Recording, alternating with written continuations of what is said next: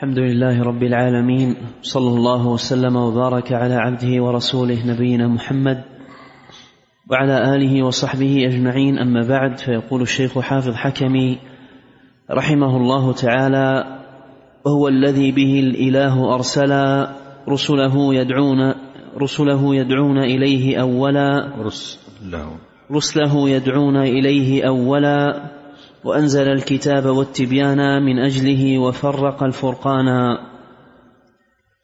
قال وهو أي توحيد الإلهية الذي به الإله عز وجل أرسل رسله من أولهم إلى آخرهم ليدعون إليه أولا قبل كل أمر فلم يدعوا إلى شيء قبله فهم وإن اختلفت شرائعهم في تحديد بعض العبادات والحلال والحرام لم يختلفوا في الأصل الذي هو إفراد الله سبحانه بتلك العبادات افترقت أو اتفقت. لا يشرك معه فيها غيره كما قال صلى الله عليه وسلم نحن نحن معاشر الأنبياء أولاد علات ديننا واحد. بسم الله الرحمن الرحيم. الحمد لله رب العالمين وأشهد أن لا إله إلا الله وحده لا شريك له وأشهد أن محمدا عبده ورسوله. صلى الله وسلم عليه وعلى آله وأصحابه أجمعين. اللهم علمنا ما ينفعنا وانفعنا بما علمتنا وزدنا علما. اللهم أصلح لنا شأننا كله ولا تكلنا إلى أنفسنا طرفة عين. أما بعد فيذكر المصنف رحمه الله تعالى هذا الأمر فيما يتعلق بالتوحيد. وهو أنه المقدم على كل شيء وبه يبدأ وهو مفتاح دعوة الأنبياء كلهم فإن كل نبي بعثه الله سبحانه وتعالى أول ما يبدأ به قومه الدعوة إلى توحيد الله اعبدوا الله ما لكم من إله غيره. وذلك أن التوحيد هو الأساس الذي يبنى عليه دين الله عز وجل والأصل الذي تقوم عليه شجرة الإيمان. ومثل التوحيد في الإيمان مثل الأصول في الأشجار والقواعد في البنيان. فكما أن البناء لا يقوم إلا عصل على قاعدته والشجر لا يقوم إلا على أصوله فالإيمان لا يقوم إلا على التوحيد. فالتوحيد هو أساس قيام هذا الدين ولهذا يبدأ به ويقدم على غيره فهو مفتاح دعوة النبيين وكلمة الأنبياء كلهم في الدعوة إليه واحدة لأن التوحيد هو الأصل في قبول الأعمال لدى جميع الأمم في في في رسائل أو شرائع جميع الرسل عليهم صلوات الله وسلامه أجمعين. والرسل وإن اختلفت الشرائع بين الواحد والآخر منهم فإنهم متفقون على الأصل. الأصل لدى الجميع واحد. والشرائع قد تختلف. لكل جعلنا منكم شرعة ومنهاجا. لكن الأصل واحد كلهم دعوتهم واحدة إلى توحيد الله وإخلاص الدين له. ولهذا قال رحمه الله هو الذي به الإله أرسل رسله يدعون إليه أولا أي يبدأون به قبل غيره. وهذا في بعثة جميع النبيين ولهذا فإن أول كلمة تقرع سمع الأقوام من النبي المبعوث إليهم اعبدوا الله ما لكم من إله غيره. فهي مفتاح دعوة الرسل عليهم صلوات الله وسلامه وبركاته عليهم أجمعين.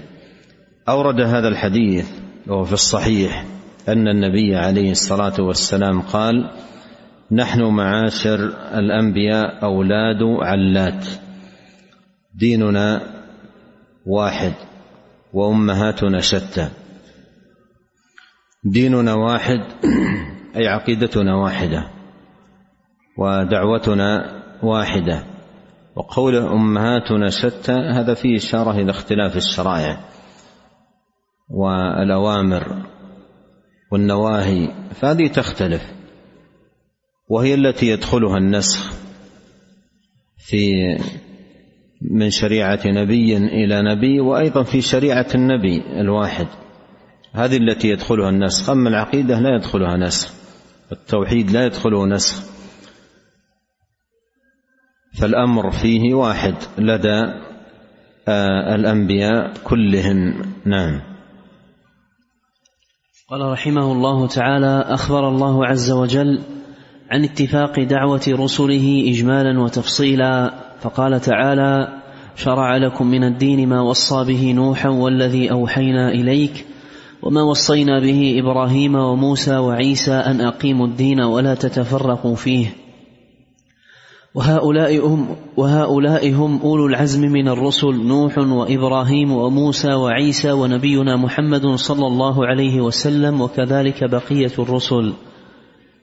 هذه الآية جمعت آه، أولو العزم من الرسل وهم خمسة وفيها بيان الاتفاق. نعم. وقال تعالى واسأل من أرسلنا من قبلك من رسلنا أجعلنا من دون الرحمن آلهة يعبدون؟ وقال تعالى وما ارسلنا من قبلك من رسول الا نوحي اليه انه لا اله الا أنا فاعبدون. وقال تعالى ولقد بعثنا في كل امه رسولا ان اعبدوا الله واجتنبوا الطاغوت. وقال تعالى انا اوحينا اليك كما اوحينا إلى نوح والنبيين من بعده وأوحينا إلى إبراهيم وإسماعيل وإسحاق ويعقوب والأسباط وعيسى وأيوب ويونس وهارون وسليمان وآتينا داود زبورا. ورسلا قد قصصناهم عليك من قبل ورسلا لم نقصصهم عليك وكلم الله موسى تكليما.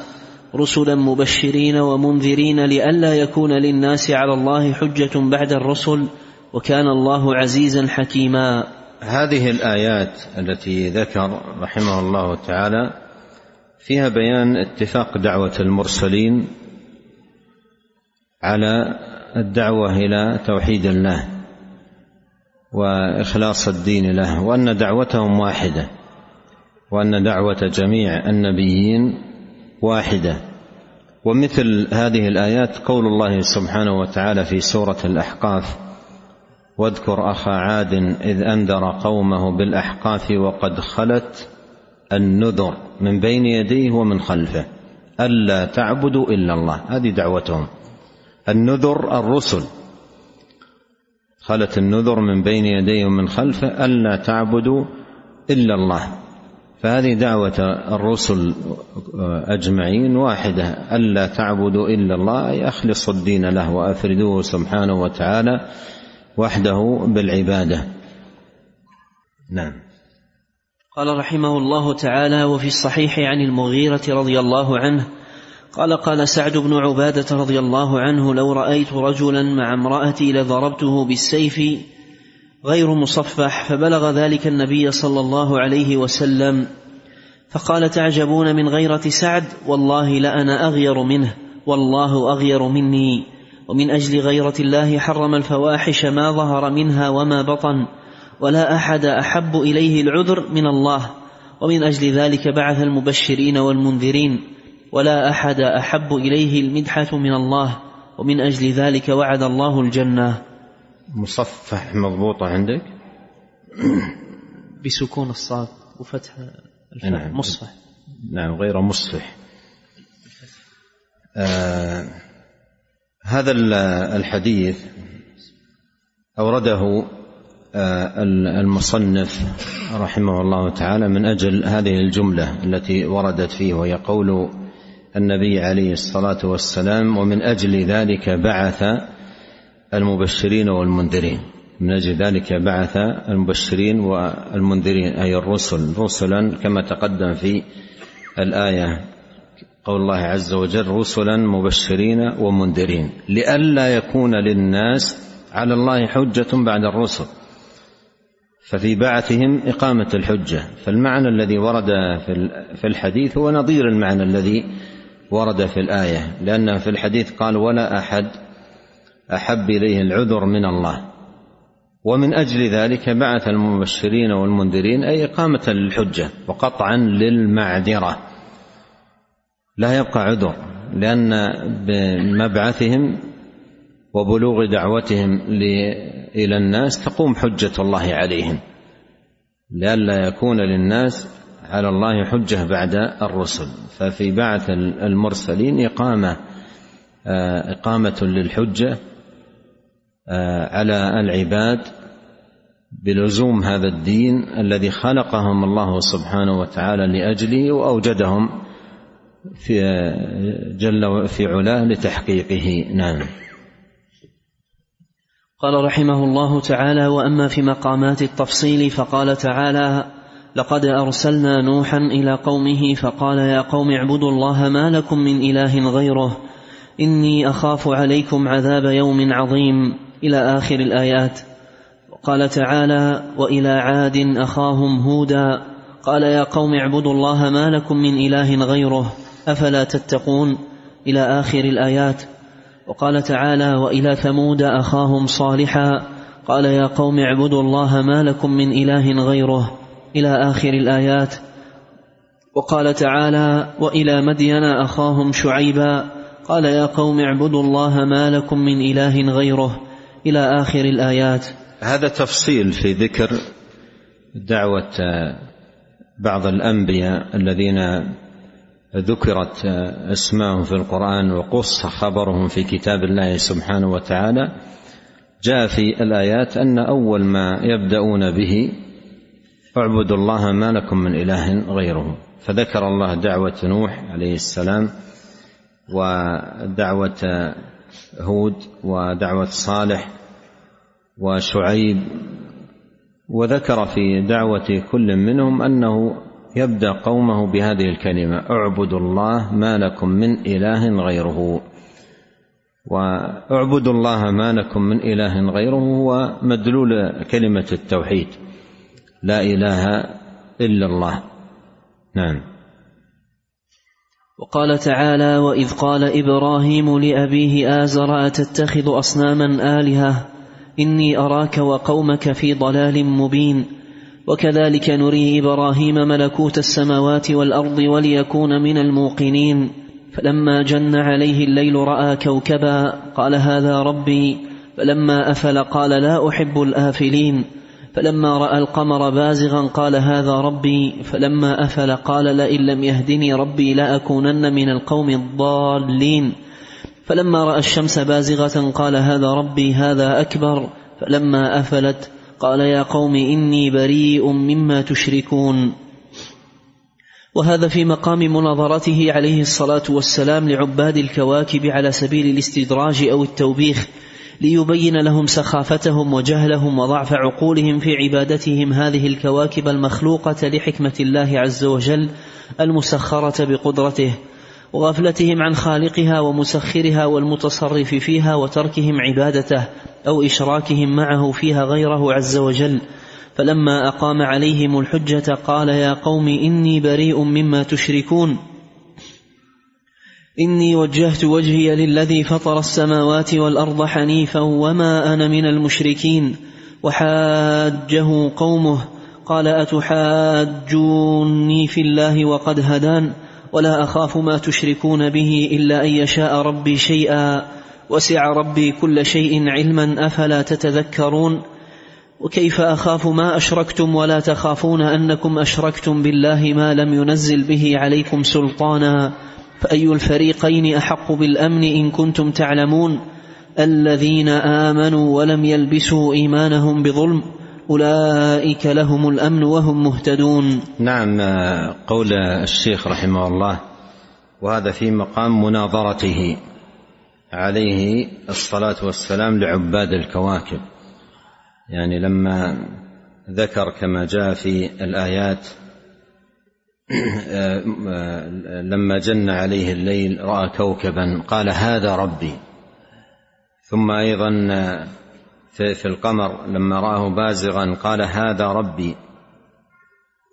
آه هذا القول ثم أيضا في بعد ذلك الشمس قال هذا ربي هذا أكبر. هذا القول من إبراهيم عليه السلام إنما هو في مقام المناظرة وليس في مقام النظر.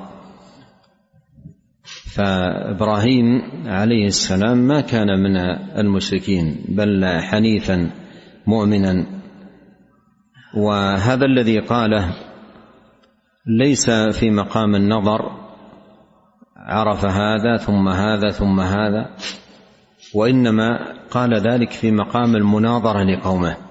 ولهذا الصحيح في معنى الآية أن إبراهيم عليه السلام كان مناظرا لا ناظرا. كان مناظرا لقومه لا ناظرا. يعني لما قال ما قال قاله تدرجا مع قومه الذين كانوا عبدة للكواكب يعبدون الشمس والقمر والنجوم.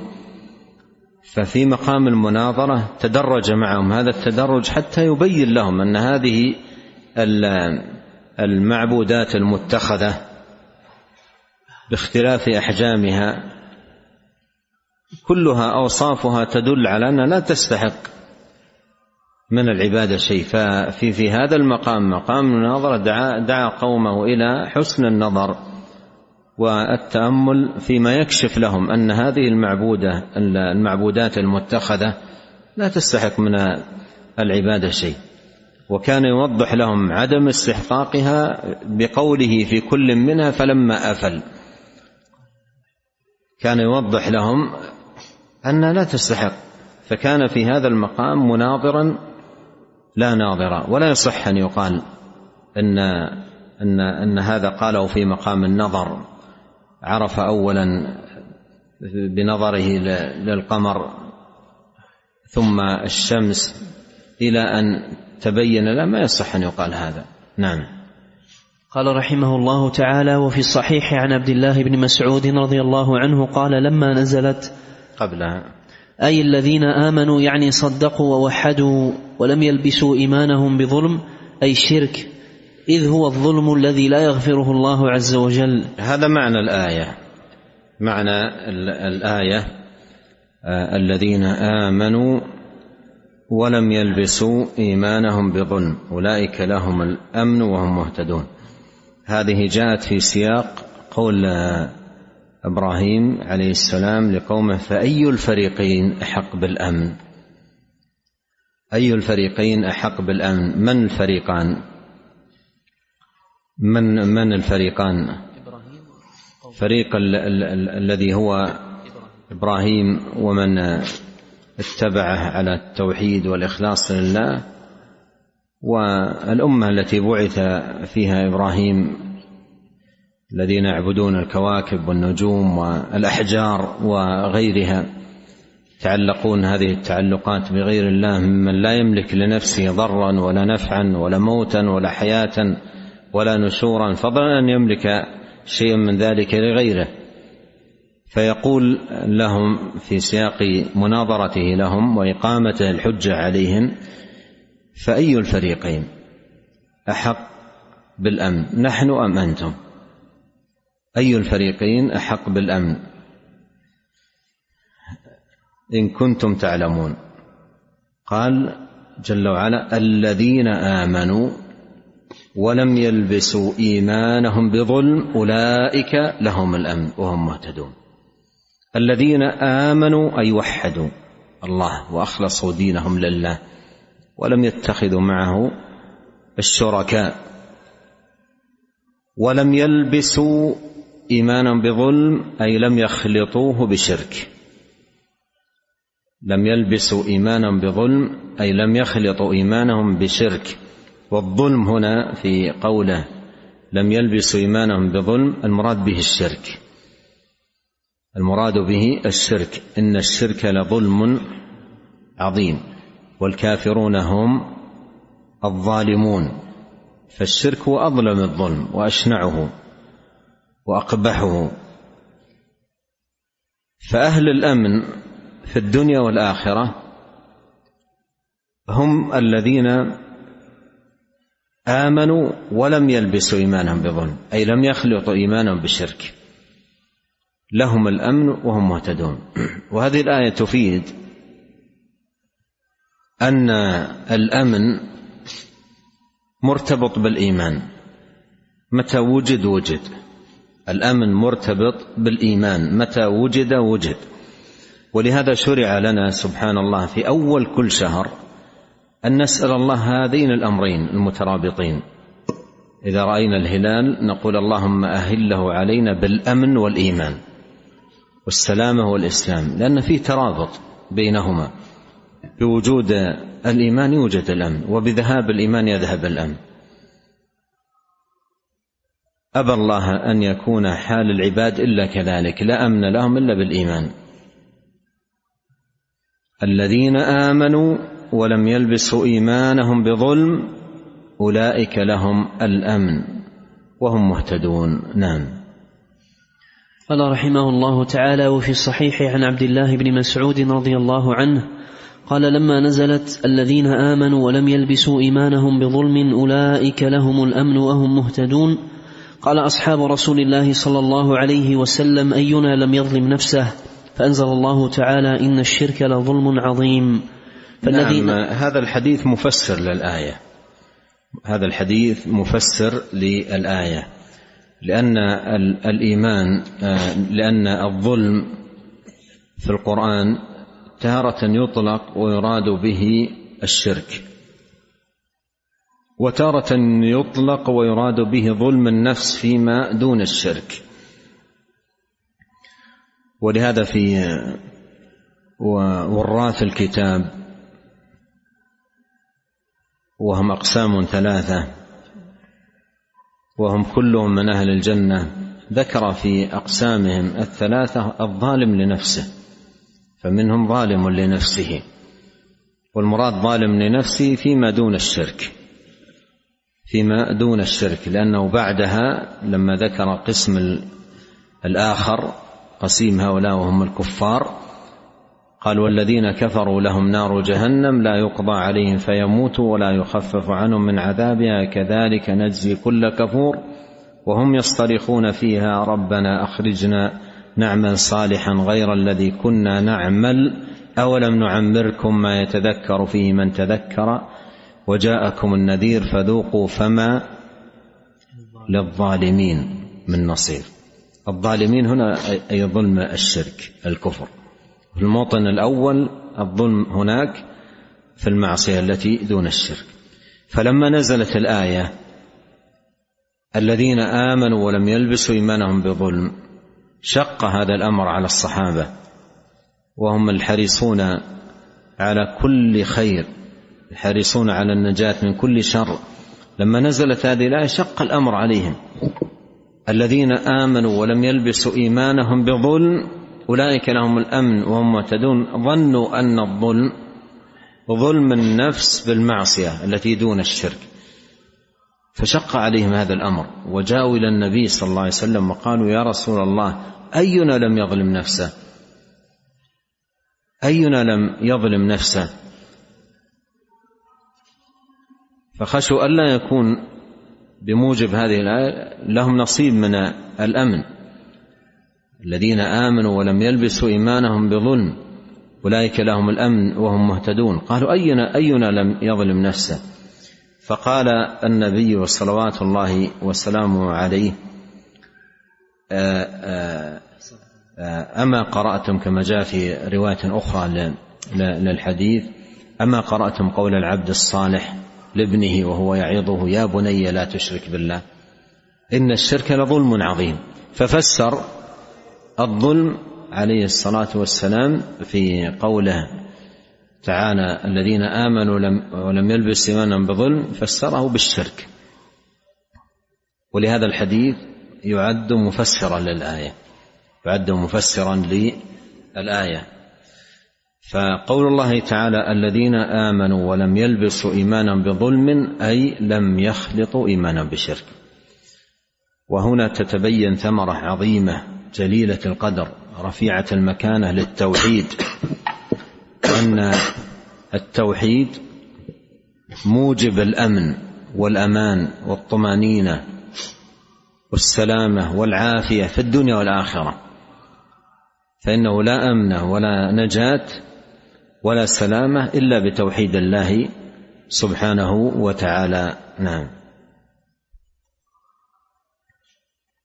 قال رحمه الله تعالى فالذين آمنوا الإيمان التام الذي لم تشبه شوائب الشرك الأكبر المنافي لجميعه ولا الشرك الأصغر المنافي لكماله ولا معاصي الله المحبطة لثمراته من الطاعات فأولئك لهم الأمن التام من خزي الدنيا وعذاب الآخرة. والاهتداء التام في الدنيا والآخرة.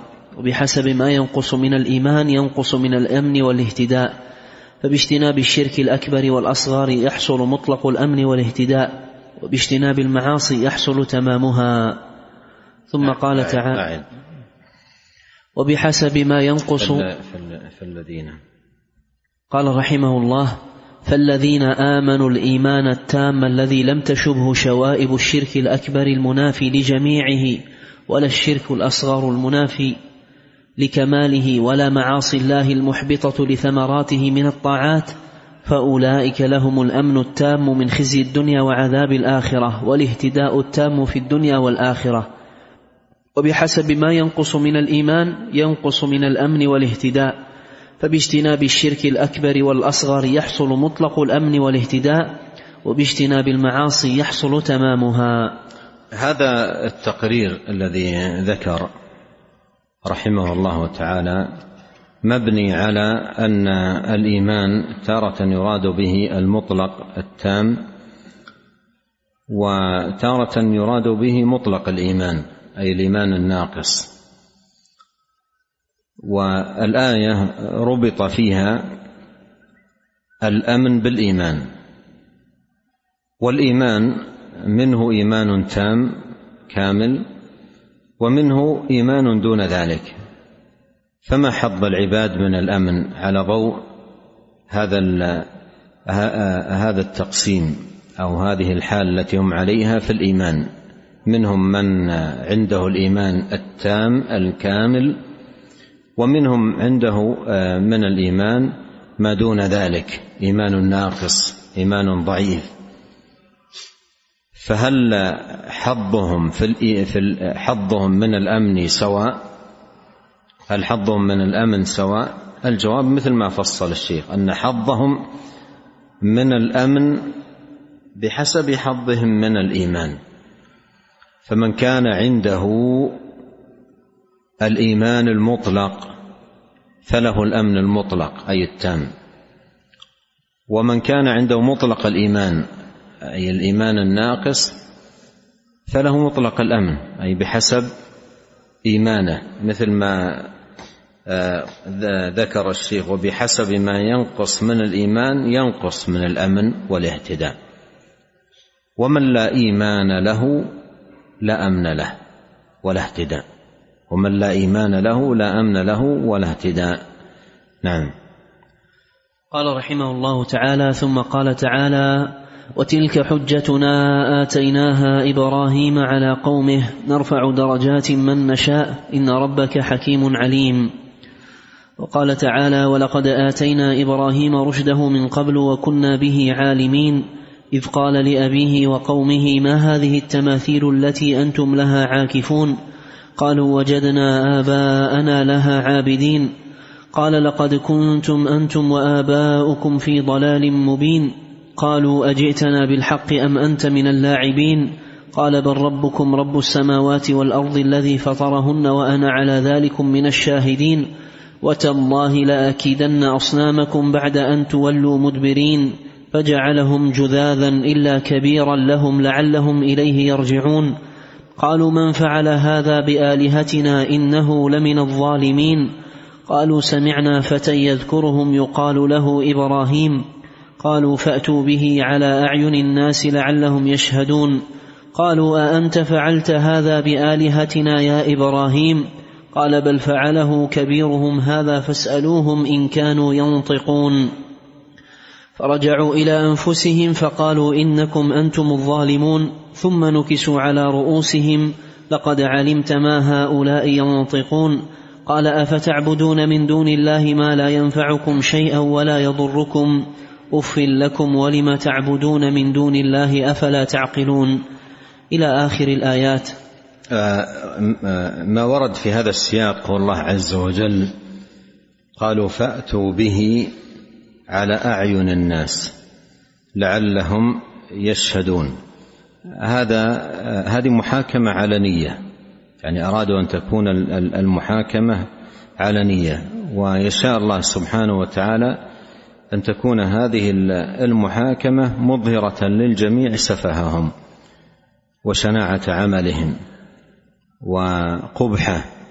ولهذا في أول الأمر لما بين لهم ما بين عليه السلام في أول الأمر آه، قالوا كما جاء في هذا كما جاء في هذا السياق قال الله فرجعوا إلى أنفسهم فقالوا إنكم أنتم الظالمون. ليس من حطم هذه الأصنام وكسر أنتم الظالمون لأن هذه أحجار لو كانت تملك شيئا لدفعت عن نفسها. هذا كافي أن يترك المرء عبادته. ولهذا يذكر عن أحد الأشخاص وهذا ذكره ابن جرير الطبري وغيره أتى من مسافة بعيدة إلى صنم يريد أن يعبده ويعرض عليه حاجاته كما هي طريقتهم. فلما وصل إلى الصنم وقد قطع مسافة إليه فإذا بثعلب فوق رأس الصنم يبول والبول ينزل من رأس الصنم إلى أسفل قدمه. فهاله المنظر هو جاء إليه من مسافة ليعرض عليه حاجته ورأى الثعلب يبول عليه. فقال أرب يبول الثعلبان براسه لقد هان من بالت عليه الثعالب وتركه رجع هذا يكفي لما يرى أنه ما يملك أن يدفع عن نفسه. ولهذا قرأت أنا في بعض الصحف قديما أحد الهنادكه أسلم وذكر قصة إسلامه نظير هذه القصة. دخل المعبد الذي فيه الأصنام مع والده يقول فرأيت كلب يبول على الصنم. فعافت نفسي هذه المعبودات. وكان هذا سبب إسلامه مفارقة لذلك الدين. فهؤلاء لما بين لهم عليه السلام هذا الأمر. وأنها ما تملك أن تدفع رجعوا إلى أنفسهم قال أنتم الظالمون أنتم الذين وقعتم في الظلم. تعبدون أحجار. ما تملك أن تدفع عن نفسها كيف فكيف تدفع عنكم؟ ثم انقلبوا والعياذ بالله من ساعتهم. كما قال الله ثم نكسوا على رؤوسهم لقد علمت ما هؤلاء ينطقون. هذه حجة عليكم لا لكم. قالوا لقد علمت ما هؤلاء ينطقون. يعني كيف تطلب منا أن نكلمهم وأنت تعلم أنهم لا ينطقون؟ نكسوا على رؤوسهم. هذا الذي قالوا أصلا حجة عليهم. لكن كما قال الله إنها لا تعمى الأبصار ولكن تعمى القلوب التي في الصدور. نعم. قال رحمه الله تعالى وقال تعالى واتل عليهم نبأ إبراهيم إذ قال لأبيه وقومه ما تعبدون؟ قالوا نعبد أصناما فنظل لها عاكفين. قال هل يسمعونكم إذ تدعون أو ينفعونكم أو يضرون؟ قالوا بل وجدنا آباءنا كذلك يفعلون. قال أفرأيتم ما كنتم تعبدون؟ أنتم وآباؤكم الأقدمون فإنهم عدو لي إلا رب العالمين. الذي خلقني فهو يهدين والذي هو يطعمني ويسقين وإذا مرضت فهو يشفين والذي يميتني ثم يحيين والذي أطمع أن يغفر لي خطيئتي يوم الدين. وقال تعالى وإن من شيعته لابراهيم إذ جاء ربه بقلب سليم إذ قال لأبيه وقومه ماذا تعبدون؟ أئفكا آلهة دون الله تريدون؟ فما ظنكم برب العالمين؟ فنظر نظرة في النجوم فقال إني سقيم فتولوا عنه أعد الآيات. وإن وقال تعالى وإن من شيعته لإبراهيم إذ جاء ربه بقلب سليم إذ قال لأبيه وقومه ماذا تعبدون؟ أئفكا آلهة دون الله تريدون؟ فما ظنكم برب العالمين؟ فنظر نظرة في النجوم فقال إني سقيم فتولوا عنه مدبرين فراغ إلى آلهتهم فقال ألا تأكلون؟ ما لكم لا تنطقون؟ فراغ عليهم ضربا باليمين فأقبلوا إليه يزفون قال أتعبدون ما تنحتون؟ والله خلقكم وما تعملون. قالوا ابنوا له بنيانا فألقوه في الجحيم إلى آخر الآيات. وقال تعالى واذكر في الكتاب إبراهيم إنه كان صديقا نبيا. إذ قال لأبيه يا أبت لم تعبد ما لا يسمع ولا يبصر ولا يغني عنك شيئا؟ يا أبت إني قد جاءني من العلم ما لم يأتك فاتبعني أهدك صراطا سويا. يا أبت لا تعبد الشيطان إن الشيطان كان للرحمن عصيا. يا أبت إني أخاف أن يمسك عذاب من الرحمن فتكون للشيطان وليا. فبين لأبيه أن آلهته لا تسمع ولا تبصر ولا تضر ولا تنفع ولا تقدر على جلب خير ولا دفع شر ولا تغني عنه شيئا. فتبين بذلك أن عبادة مثل هذا جهل وضلال. ثم بين أن له عنده دواء ذلك الداء والهدى من ذلك الضلال. فقال تعالى إني قد جاءني من العلم ما لم يأتك فاتبعني أهدك صراطا سويا. وبين أن فعله ذلك عبادة للشيطان موجب لعذاب الرحمن وولاية الشيطان عياذا بالله من ذلك. وقال تعالى وإبراهيم إذ قال لقومه اعبدوا الله ما لكم من وإبراهيم إذ قال لقومه اعبدوا الله واتقوه ذلكم خير لكم إن كنتم تعلمون. إنما تعبدون من دون الله أوثانا وتخلقون إفكا. إن الذين تعبدون من دون الله لا يملكون لكم رزقا فابتغوا عند الله الرزق واعبدوه واشكروا له إليه ترجعون إلى آخر الآيات. هذا السياق في سورة العنكبوت عظيم جدا في تقرير التوحيد وإقامة الحجة وتنوع البراهين والدلائل التي ساقها إبراهيم إقامة للحجة على قومه. ولهذا تجد في هذا السياق ما لا تكاد تجد في كثير من السياقات من إقامة الحجة على قومه. وأنصح بمراجعة تفسير هذه الآيات عند الإمام ابن سعدي رحمه الله في تفسيره. نعم. قال رحمه الله تعالى وقال تعالى وإذ قال إبراهيم لأبيه وقومه إنني براء مما تعبدون إلا الذي فطرني فإنه سيهدين وجعلها كلمة باقية في عقبه لعلهم يرجعون.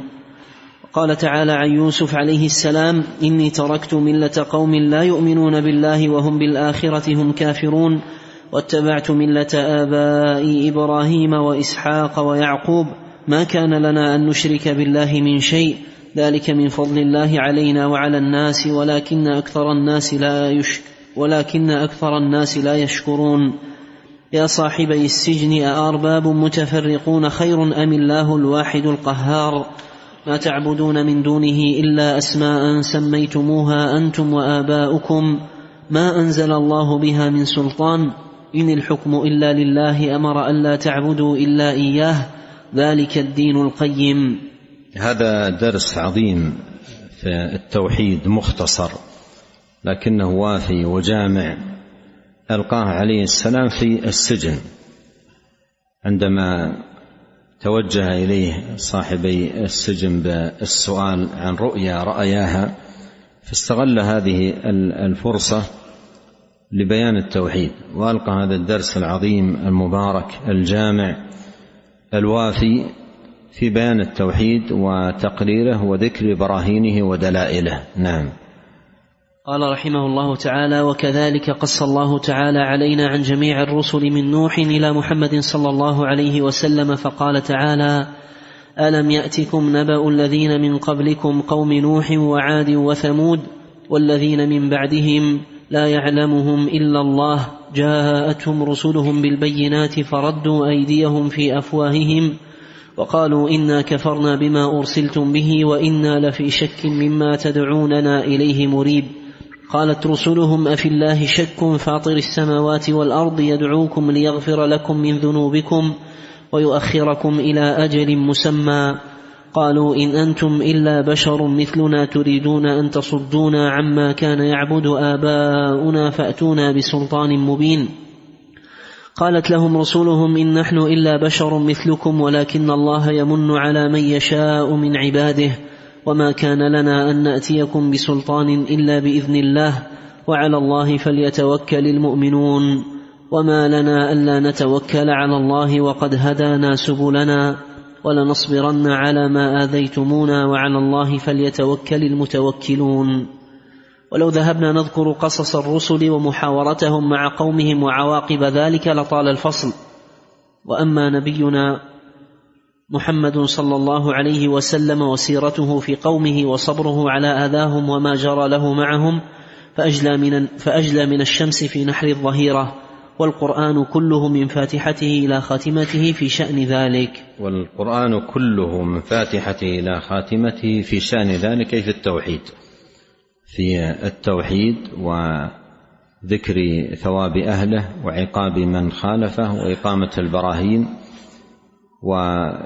وكشف شبهات المبطلين القرآن من أوله إلى آخره في ذلك. نعم.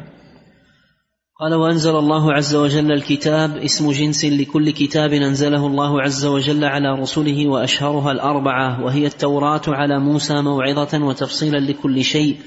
والإنجيل على عيسى وفيها هدى ونور ومصدقا لما بين يديه من التوراة وهدى وموعظة للمتقين والزبور على داود الذي كان إذا قرأه أوبت معه الجبال والطير والقرآن المنزل على نبينا محمد صلى الله عليه وسلم بالحق مصدقا لما بين يديه من الكتاب ومهيمنا عليه والتبيان من عطف التفسير الذي هو أعم من المفسر. يضاف إليها الصحف المنزلة.